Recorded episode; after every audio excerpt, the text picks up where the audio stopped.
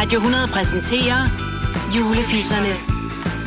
Vi skal på forhånd advare om, at vulgært sprog kan forekomme.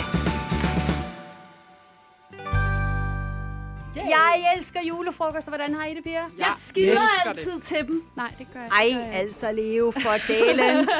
Prøv lige at høre. Vil I høre om den vildeste julefrokost, jeg nogensinde har været til? Ja, Absolut, mega absolut. gerne. Okay, prøv at høre.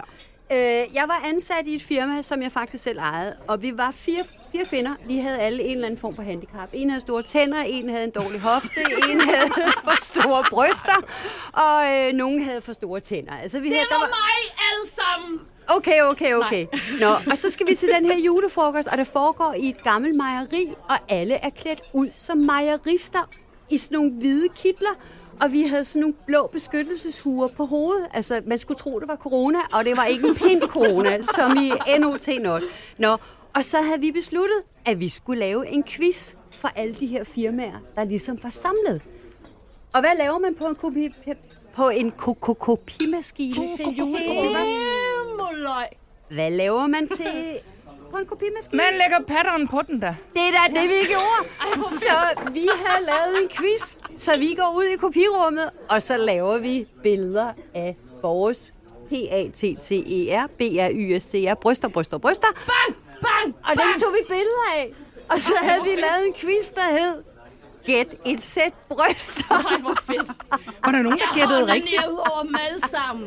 Ej, det, Altså, jeg man tør jo ikke sige, om der er nogen, der gætter rigtigt. Jeg kan faktisk ikke huske det, fordi vi var lidt småstive. Men vi delte den her quiz ud, og jeg, jeg tænker bare, i de her sexistiske tider, det var jo aldrig nogensinde gået til en julefrokost i dag, hvis man havde lavet sådan en quiz. Altså, helt ærligt, der var mænd og kvinder, der var blevet snothamrende fornærmet. Altså, jeg var mest fornærmet over, at mine bryster ikke blev gættet, fordi jeg synes jo ligesom, at de er meget genkendelige, ikke? Ja. Og, og især... Ja, siger I! Ja. Men prøv at høre, det sjove er, for dem, der bare lytter til det her, de, har ikke, de ved jo ikke, at du har simpelthen stået og holdt dig på brysterne hele tiden, mens du har fortalt historien. Er det rigtigt? Det synes jeg er sjovt. Det er jo det, man kommer til at gøre. Ja. Det kæreste eje. Men prøv lige at høre. Jeg kan ikke- simpelthen ikke have, at vi ikke skal til julefrokoster i år. Fordi ligegyldigt om det er plat, eller ligegyldigt om det ikke er plat, så er det jo en måde at være sammen på. Og jeg synes bare, Ja. det er simpelthen så ærgerligt, at vi skal undvære det. Og så er der jo heller ikke noget at tale om, vel? Når man kommer tilbage efter julefrokosten. Ej. Så du Inge og Preben nede i boksen? Inges bryster?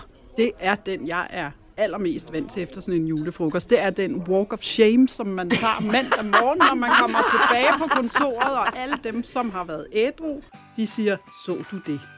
Altså, jeg vil bare sige, at vores bryster var til frit skue, og vi var ikke en skid flove. Undskyld mit sprog. Altså, det var vi ikke. Det var den sjoveste julefrokost, og de pæneste bryster i sort-hvid på kopimaskinepapir. Det er fandme fedt. Jeg har suttet på din pik. Nej, det har jeg ikke. Men, øh, men øh, ladies, vi når ikke mere i dag. Så øh, lad os råbe pik og skride. Pik!